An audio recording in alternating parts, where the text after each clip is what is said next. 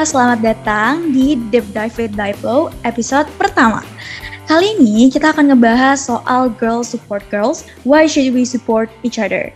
Nah, karena kita kemarin itu baru aja memperingati Hari Kartini pada tanggal 21 April lalu, kayaknya masih relate banget ya, walaupun udah belasan hari yang lalu nih kita ngerayain Hari Kartini. Nah, sekarang kita mau ngebahas soal isu perempuan. Meskipun Hari Kartini udah lalu, tapi kayaknya isu perempuan ini masih menjadi isu yang hot gitu untuk dibahas dan juga selalu relate sama kehidupan kita sehari-hari nih sebagai seorang perempuan.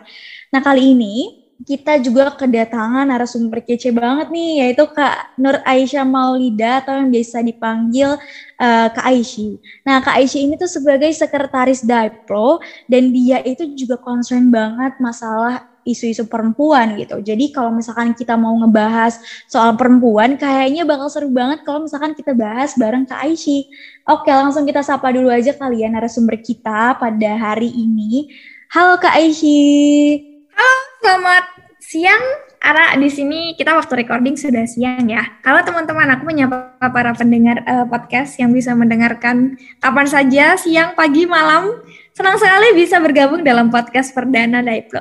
Oke, uh, apa kabar nih Kaishi? Gimana nih situasi terkini di Lamongan?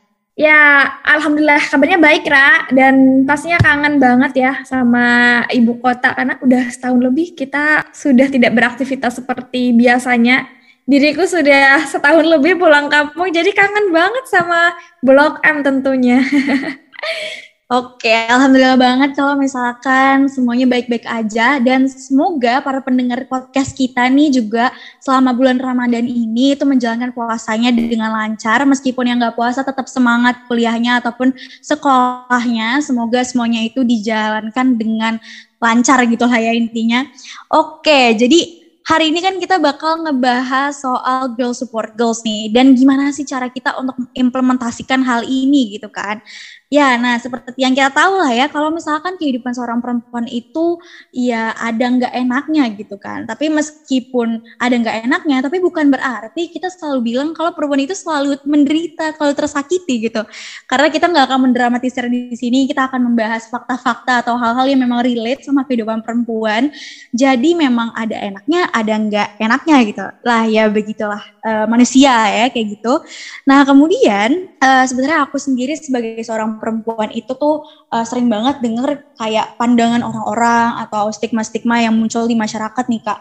Kayak perempuan tuh harus ini, harus bisa itu, terus juga perempuan tuh harus begini, harus begitu.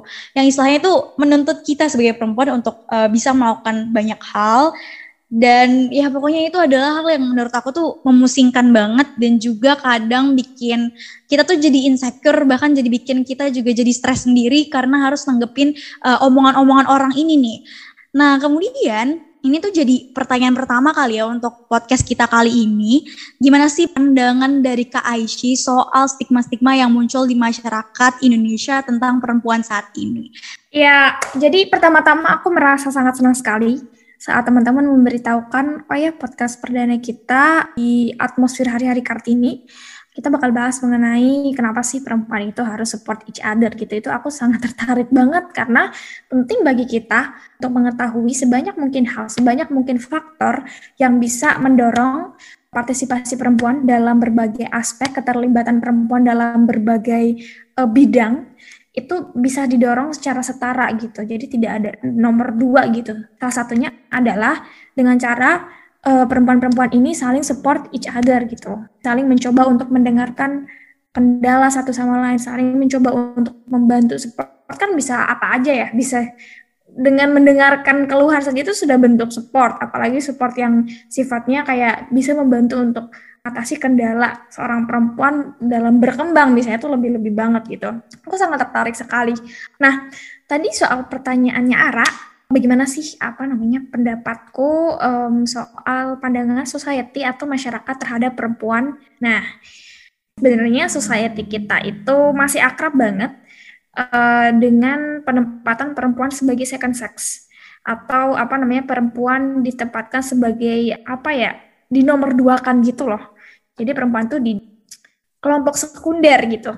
Sebenarnya yang paling akrab dengan kita tuh bisa dilihat pada aspek leadership. Nah, itu kayak misal ketika seorang bayi, seorang anak lahir laki-laki misalnya, orang kan langsung kayak ngasih label dia, membebani dia kayak, oh ya ini laki-laki, dia bakal jadi pemimpin keluarga, dia bakal imam yang baik untuk keluarganya atau seseorang yang beranjak dewasa harus dibekali dengan ilmu ini ini ini harus begini harus begini begini begini ABC gitu. Karena dia kamu kan besok jadi pemimpin keluarga kamu kan besok jadi imam keluargamu kamu harus kayak begini dong kayak gitu padahal sebenarnya perempuan juga bisa memimpin keluarga juga gitu loh. Jadi keduanya bisa menjadi pemimpin. Itu kalau dalam lingkup keluarga ya. Terus kalau di kita biasanya leadership dalam organisasi atau kelompok kelompok-kelompok tertentu, pergerakan-pergerakan tertentu itu kan ketuanya biasanya cowok ya, ketuanya tuh biasanya laki-laki gitu. Karena dia lebih tegas, lebih berwibawa, lebih mudah berpikir jernih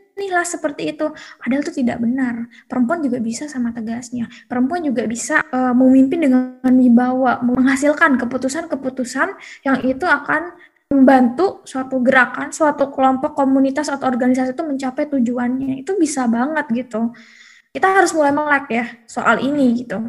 Kedua, pandanganku itu karena mungkin aku orang orang Jawa ya. Jadi akrab banget sama istilah-istilah yang kayak perempuan itu disebut wanita. Wanita itu kalau dalam bahasa Jawa itu ada panjangannya gitu kayak wani ditotoh, wanita. Wani ditatah, wani ditotoh gitu kan. Pengertian itu itu tuh menempatkan bahwa untuk berdaya perempuan itu harus diatur dulu gitu loh. Itu kan apa namanya budaya-budaya yang istilahnya menurutku patriarkis ya. Karena perempuan untuk berdaya itu berarti membutuhkan pihak lain gitu loh. Padahal sebenarnya perempuan bisa berdaya sendiri gitu. Perempuan-perempuan bisa uh, dengan segala hal, segala kelebihan apa pun itu yang lahir bersamanya perempuan bisa berdaya di atas kakinya sendiri gitu. Itu bisa banget gitu. Jadi nggak mesti harus ditata sama orang lain gitu enggak. Kita bisa menentukan nasib kita sendiri. Kita bisa menentukan kita pengen hidup dengan cara apa itu terus yang nggak nggak asing sebenarnya istilah 3M perempuan itu 3M aja gitu. Masak maca sama mana. Nah itu kan bahasa Jawa ya. Masak udah udah ngerti ya udah masak aja gitu kan. Kedua maca. Maca itu artinya bersolek atau berdandan ya. Terus kalau manak itu artinya lahirkan merawat anak. Jadi perempuan tuh cuma itu doang gitu loh kerjaannya masak dan dan merawat anak udah. Padahal enggak kan. Terus apa namanya enggak asing juga perempuan itu tempatnya cuma di kasur sumur dapur. Itu malah lebih salah lagi gitu kita kita kita nggak cuma melakukan kegiatan-kegiatan rumah tangga aja kita nggak cuma di rumah aja gitu. Kita bisa ngapain? Kita bisa bekerja kita bisa berkarya sesuai dengan yang kita mau gitu.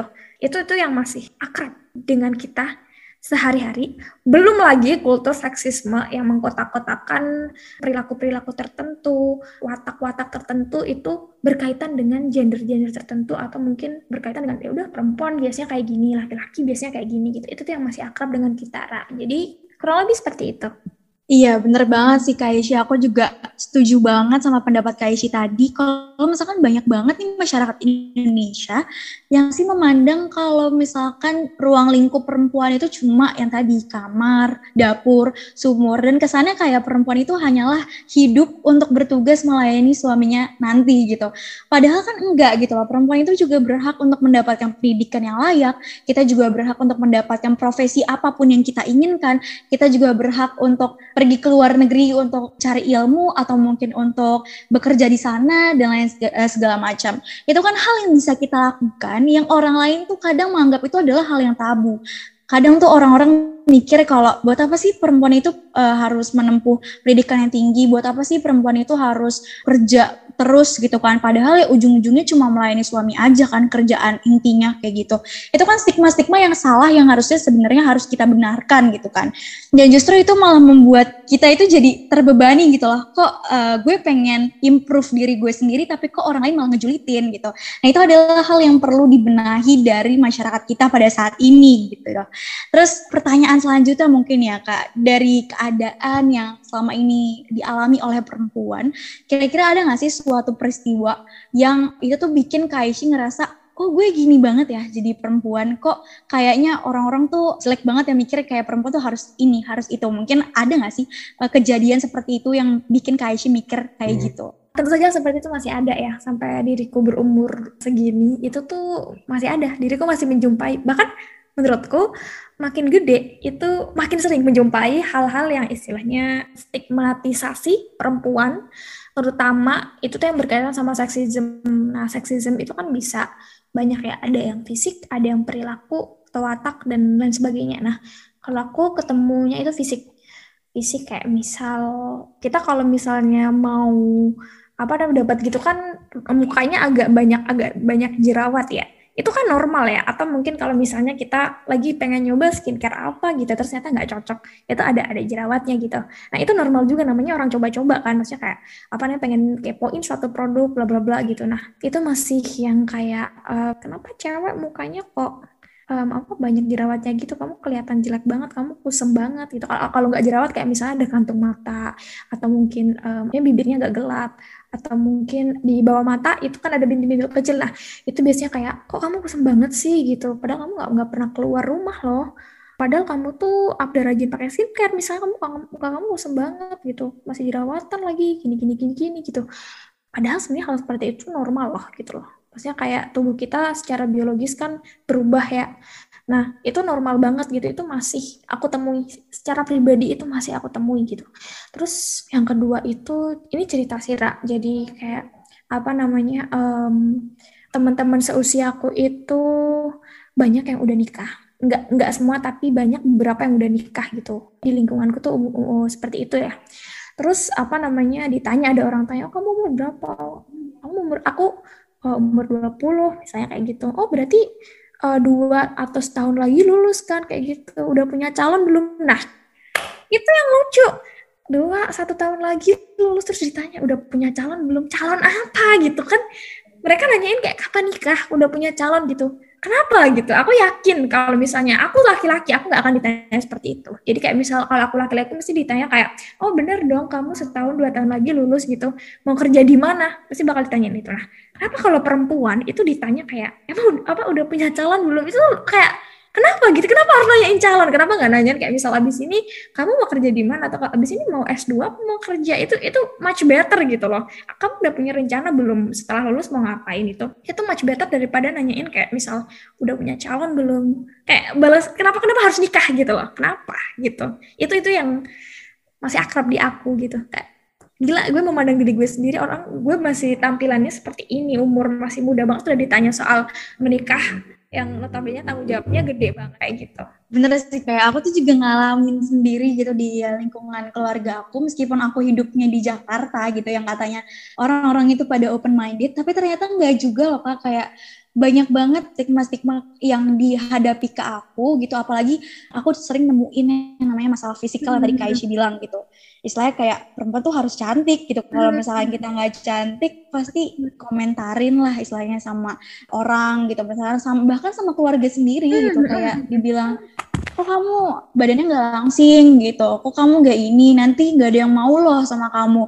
Loh emang kenapa gitu kan? Ini kan my body my authority gitu istilahnya uh, memang kenapa ketika orang lain itu nggak bisa uh, menerima badan aku seperti ini? Ya udah nggak usah sama aku gitu kan maksudnya. Mm-hmm. jadi banyak banget stigma-stigma yang kayak gitu yang bikin aku tuh terkadang muak sendiri gitu loh. Dan juga yang tadi kayak si bilang teman aku juga ada beberapa yang udah nikah juga kan dan juga kita tuh selalu dikaitin uh, nanti mau nikah umur berapa terus bukan ditanya nanti mau kerja di mana atau uh, target ke depannya itu apa atau nanti mau S2 dulu atau gimana. Nah itu dia yang bikin aku juga merasa kok gini banget ya orang-orang tuh mandang uh, gue sebagai seorang perempuan padahal kan hmm. gue pengen kerja dulu padahal gue pengen S2 dulu mungkin nanti gitu kan hmm. tapi ya udah gitu orang-orang tuh selalu kayak gitu gitu loh hmm. bener banget itu sangat itu sangat mengganggu ya Ra bener ya um, kita sebenarnya sadar bahwa tubuh kita kalau secara fisik ini ngomongin fisik kita sadar banget tubuh kita ini berubah-ubah gitu kan dan dalam perubahan itu ada yang pasti kalau, kalau tubuh kita dalam kondisi baik ya alhamdulillah uh, mukanya kelihatan segar terus lagi nggak ada jerawat itu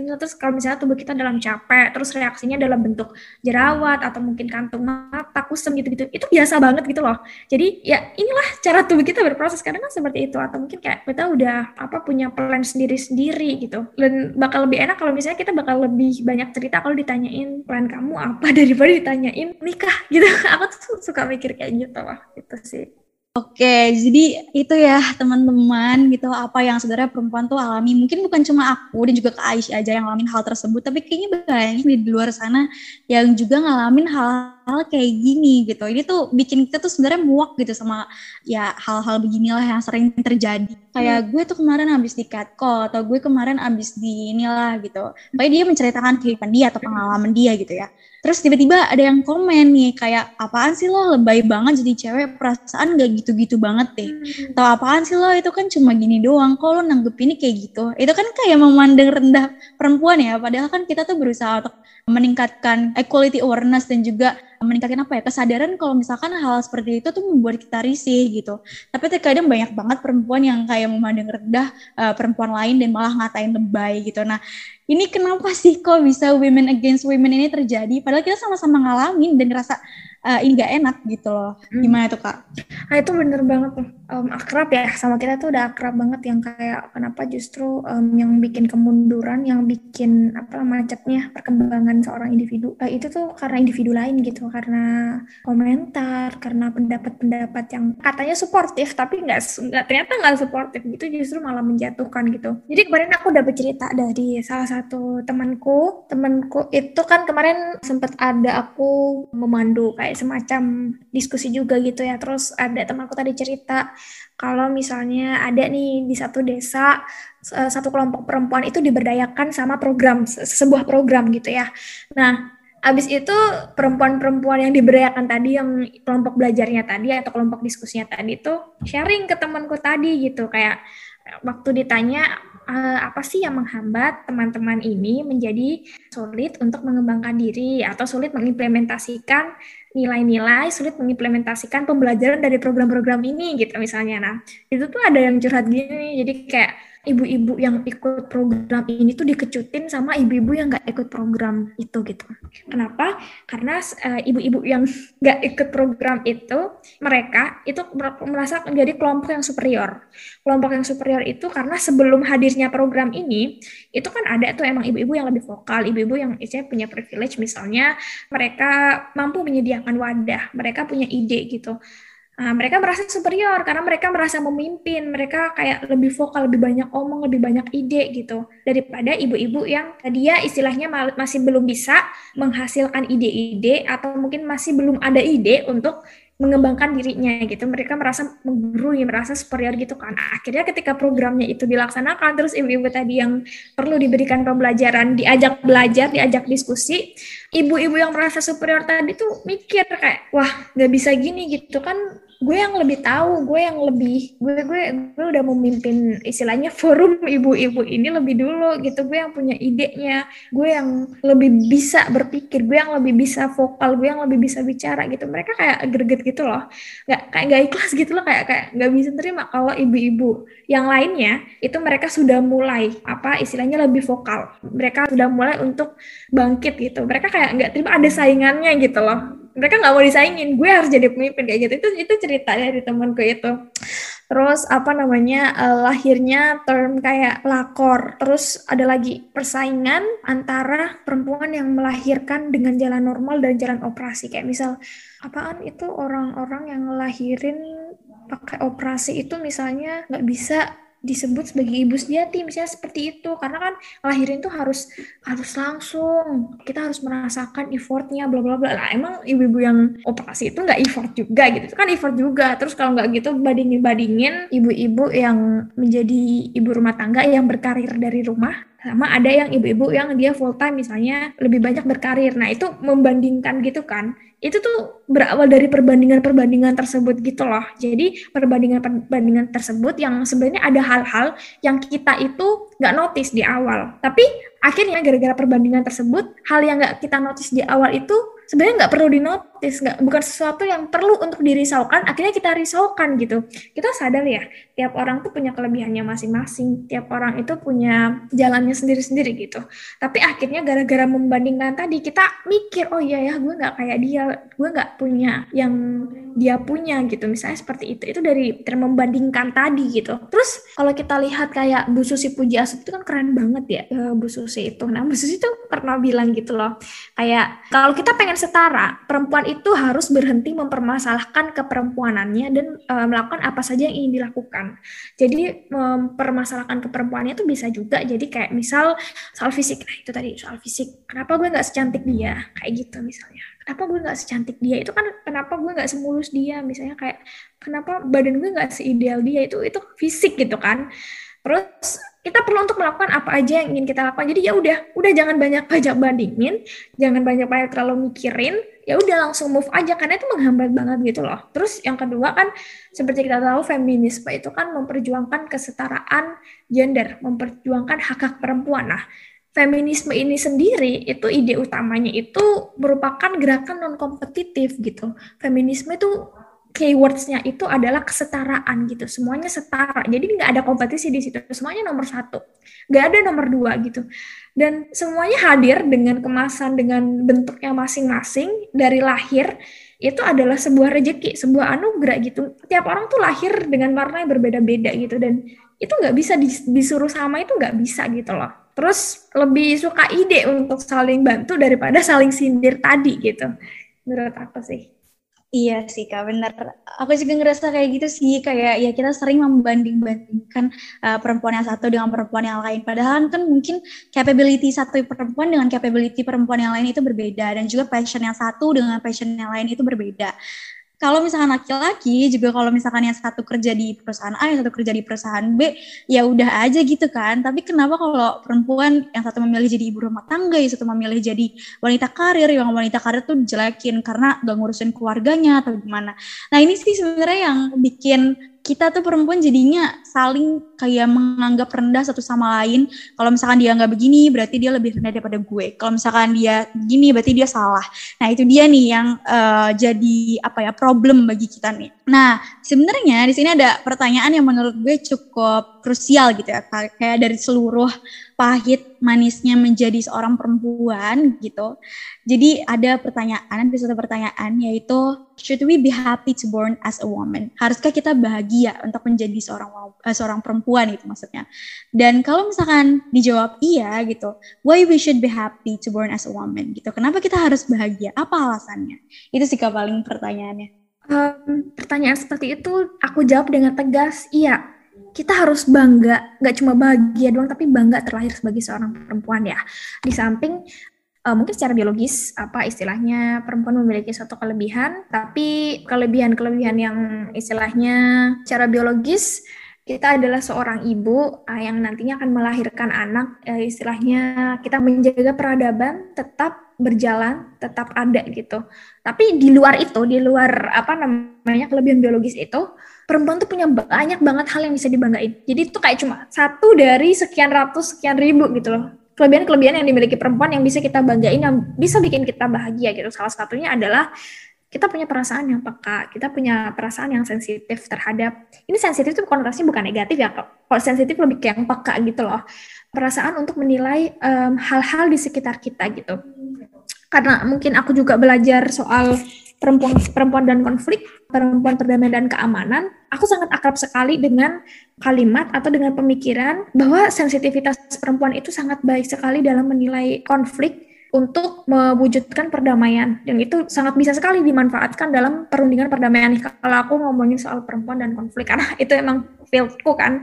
Nah eh, kepekaan ini perempuan tuh kayak apa namanya bisa menjalankan negosiasi menjadi lebih baik gitu loh. Karena adanya kepekaan tadi, kepekaan tadi itu membawa atmosfer komunikasi yang lebih halus, yang lebih mencoba untuk mendengar, yang lebih mencoba untuk memahami, sehingga kalau misalnya pendekatan kita secara harus dapat dilakukan, kita mengerti apa yang dibutuhkan, istilahnya untuk membentuk sebuah perdamaian misalnya, itu kan jadi lebih mudah ya dijangkau negosiasinya untuk perdamaian gitu. Itu karena di field kayak seperti itu ya, itu.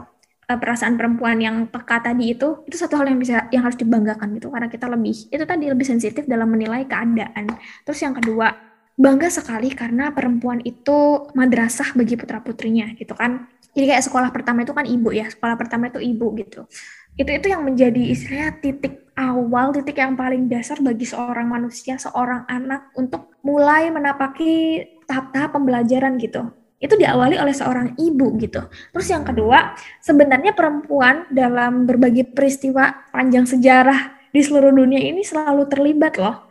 Maksudnya kayak selalu terlibat dalam kemerdekaan suatu negara, apa namanya penyelesaian konflik, penemuan-penemuan bersejarah. Sebenarnya perempuan terlibat gitu. Cuman kan uh, seperti kita tahu bahwa bahkan sejarah sendiri itu seperti memburamkan keterlibatan perempuan yang berarti dalam berbagai momen gitu loh. Kan sulit ya, kita kalau belajar sejarah itu sulit banget nemu satu tokoh uh, yang di situ adalah tokohnya perempuan gitu, selalu laki-laki. Kayak misal memimpin perang jenderalnya laki-laki, terus penemunya penemu laki-laki, pemimpin negaranya laki-laki gitu. Padahal perempuan itu juga terlibat aktif gitu dalam momen-momen bersejarah gitu. Cuman itu tadi bahkan saking sulitnya kita tuh sampai mikir kayak emang iya emang ada ya keterlibatan perempuan di sini gitu. Itu saking-saking buramnya gitu loh sejarah-sejarah yang tidak menjelaskan keterlibatan perempuan di situ gitu. Itu sih itu itu itu hal hal yang perlu kita bangkan selain biologis doang itu tuh banyak banget gitu. Salah satunya tadi kepekaan dan yang kedua adalah posisi kita sebagai madrasah bagi putra putri gitu. Itu sih Iya sih kak benar banget. Kita sebenarnya harus bangga jadi perempuan karena sebenarnya banyak hal yang bisa untuk kita banggakan gitu dari perempuan. Jadi jangan feel insecure atau mikir kenapa ya gue lahir kok jadi perempuan, gue ngerasa berat banget. Padahal ya ada hal yang bisa kita manfaatkan dari diri kita sebagai seorang perempuan untuk masyarakat kita gitu. Jadi jangan feel insecure dan teruslah apa ya grow up dan juga terus improve yourself karena hal itu bisa banget uh, membantu kita di masa depan kayak gitu. Nah mungkin ini ada last question kali ya dari aku karena kita judulnya ini girls support girls and uh, why should we support each other. Jadi aku tuh mau nanya gimana cara kita uh, menghadapi menghadapi situasi yang ada saat ini gitu dari segala permasalahan tadi. Dan juga maybe cara spesifiknya gimana cara kita untuk mengimplementasikan women support women dan juga tentunya gimana cara kita bisa meningkatkan equality awareness di masyarakat Indonesia itu sendiri. Meskipun tadi Kak Isya udah sempat nyinggung ya sebelumnya kayak kita tuh nggak usah terlalu mikirin kompetisi-kompetisi yang ada maksudnya kayak perbedaan-perbedaan antara perempuan satu dengan perempuan yang lainnya. Tapi adakah hal lainnya yang perlu untuk kita tahu dan kita lakukan? Sih kak. Hmm, jadi sebenarnya kompetisi itu sangat akrab ya dengan diri kita sejak kita lahir gitu. Kayak misal balita yang soal belajar jalan aja kayak kadang kan orang dari keluarga kita atau orang terdekat kita kan kayak apa namanya tuh anaknya tetangga? Misalnya yang lahirnya jeda dua hari sama kamu misalnya udah bisa jalan tapi kenapa kamu kok belum bisa jalan? Nah itu kan kompetisi juga itu udah akrab banget sama kita. Apalagi makin gede makin banyak tuh yang unsur-unsur yang sebenarnya tuh itu nggak perlu dijadiin kompetisi tapi dijadiin kompetisi gitu. Pertama-tama kita mulai dari diri kita sendiri dulu. Uh, kalau ditanya soal perubahan aku tuh selalu mulai apa pun tuh dari diri sendiri gitu loh. Jadi kayak penerimaan terhadap diri sendiri gitu. Kita kita memandang diri sendiri tuh cukup gitu. Mulainya itu cukup itu secara fisik kita cukup. Secara hal-hal yang sudah kita dapatkan kita merasa cukup. Walaupun ya namanya manusia nggak nggak ada yang merasa cukupnya gitu. Makanya cukup cukup yang kayak cukup untuk dirimu yang kamu nggak perlu membandingkan dengan orang lain. Karena kenapa? Lo nggak akan bisa jadi orang itu gitu loh. Karena kalian tuh berbeda jalannya beda kemasannya beda terus juga pikirannya beda tubuhnya juga berbeda gitu. Jadi kamu nggak nggak nggak bisa jadi dia gitu. Itu dari itu cukup gitu loh.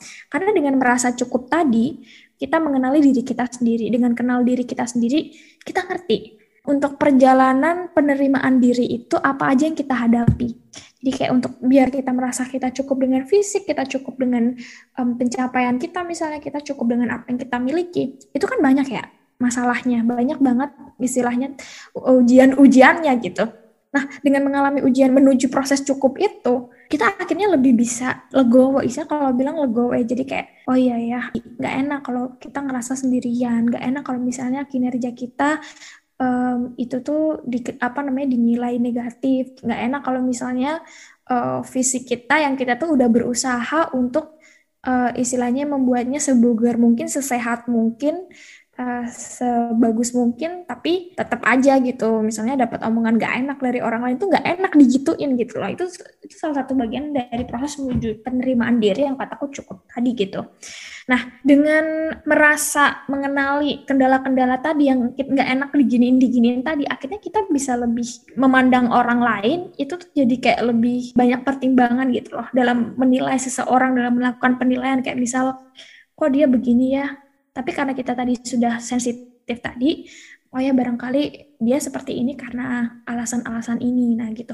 Dengan dengan begitu kita akan selalu mendahulukan mendengar cerita teman-teman kita daripada melakukan penilaian langsung setelah kita melihat atau bahkan nggak melihat tapi mendengar ceritanya dari orang lain kan biasanya langsung menilai gitu kita akan mengutamakan mendengar cerita mereka terlebih dahulu, mengetahui cerita mereka, mengetahui alasan kenapa mereka melakukan ini, mengapa ini bisa terjadi ke mereka. Itu. Jadi istilahnya mencoba untuk mengerti keadaan seseorang terlebih dahulu gitu. Kayak lebih-lebih toleransinya lebih tinggi gitu. Itu juga yang akan mengurangi sifat-sifat negatif seperti bullying, kemudian kayak gosip, menindas, diskriminasi gitu-gitu. Itu kan secara otomatis kalau kita udah mulai mendahulukan mencoba untuk mengenal seseorang mencoba untuk mendengar seseorang otomatis sikap-sikap negatif seperti bully gosip gitu-gitu kan akan hilang dengan sendirinya gitu kan. Terus yang kedua ketika kita memahami kesulitan seseorang untuk mencapai sesuatu kesulitan seseorang untuk mencegah sesuatu terjadi akhirnya kan kita kan, jadi kayak oh ya kita ngerti apa yang dia butuhkan yang dia butuhkan adalah dukungan kayak misalnya seperti itu. Ya udah dukungan tadi aku mention di awal banyak banget bentuknya bisa kata-kata bisa cuma mendengar aja tuh udah dukungan banget atau mungkin aksi langsung kayak misal oh ya aku punya kenalan ini loh siapa tahu bantu kamu bisa bisa bantu kamu buat ini. Nah itu juga lebih lebih banget gitu loh.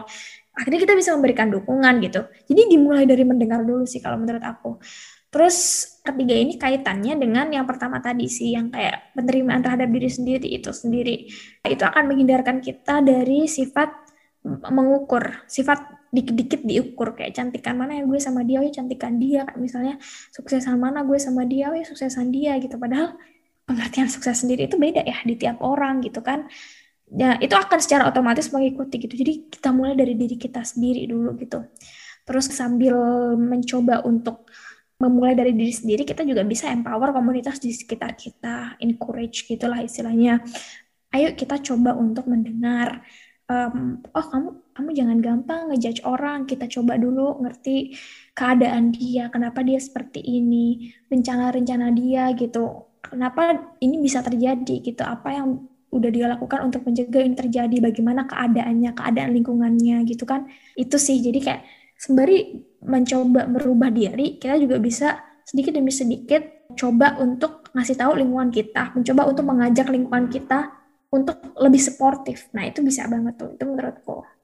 Uh, ya sih Kak benar. Aku tuh juga ngerasa relate banget sama yang Kak Aisyah bilang tadi. Kalau dan baru sadar juga sih kalau misalkan kita selama ini selalu ngerasa kurang. Jadi uh, oleh karena itu kita selalu membandingkan diri kita sendiri dengan orang lain. Dengan cara kita membandingkan dan menilai seseorang itu justru malah membentuk pola pikir kita tentang sesuatu. Kayak misalkan uh, kok dia lebih cantik kayak daripada gue. Jadi kayak itu membentuk standar kita akan kecantikan seseorang gitu. Jadi kita memandang orang lain tuh oh kok dia jelek sih, oh kok dia ini sih. Coba kalau misalkan kita nggak memandang orang seperti itu, kita nggak membandingkan diri kita dengan orang lain seperti itu. Jadi kan nggak akan ada beauty standard yang toxic banget sampai segitunya gitu loh. Dan tadi benar gitu, kita tuh harus ngurangi sifat-sifat judgmental kita lah istilahnya. Jangan, eh, kita tuh harus dengerin orang dulu, keadaan dia seperti apa. Jangan langsung ngejudge, kok dia gini, kok dia gitu. Nah itulah yang harus kita benar-benar uh, pahami dan harus kita lakukan dalam uh, daily life kita saat ini. Mm-hmm. Benar banget, benar-benar. Jadi apa namanya gini juga sih, Ra. Um, kita mencoba untuk membandingkan. Uh, kenapa kita perlu untuk support each other tuh kenapa gitu. Kalau menurut aku feelingnya itu lebih enak kalau kita legowo, kalau kita ikutan seneng, kalau teman kita itu uh, bisa apa mencapai pencapaiannya. Kita ikutan seneng gitu loh. Daripada kita yang terus-terusan ngejudge dia. Kayak apaan sih? Itu juga paling orang dalam. Misalnya kayak ah itu juga paling manipulasi gini gini gini gitu. Itu tuh penyakit hati buat kita sendiri gitu. Itu tuh nggak enakin banget. Dan akhirnya kita akan selalu denial dengan pencapaian seseorang gitu loh. Padahal itu tuh dia tuh effort untuk sampai ke situ gitu loh. Dia, dia dia bekerja keras, dia mencoba untuk melakukan berbagai hal untuk bisa mencapai tujuan atau hal yang dia mau gitu. Kita akan selalu denial dengan usaha orang. Nah itu tuh nggak enak gitu loh ke kita sendiri karena kita nggak merasa turut senang. Sedangkan kalau misalnya nih kita mendengar cerita dia, oh ya kita ikut excited dengan rencana-rencana dia, kita ketika dia sudah berhasil pencapaiannya kita ikutan seneng. Nah itu tuh feelingnya itu bakal beda gitu loh ketika kita ikutan seneng. Untuk kebahagiaan orang lain tuh kayak kita juga apa namanya kecipratan energi bahagianya gitu gitu loh. Dan itu jauh lebih bagus daripada kita yang kayak judgmental gitu yang denial akan pencapaian orang. Itu justru nyusahin kita sendiri. Itu sih kalau menurutku. Betul banget sih. Jadi mungkin ini sebelum kita akhiri kali ya.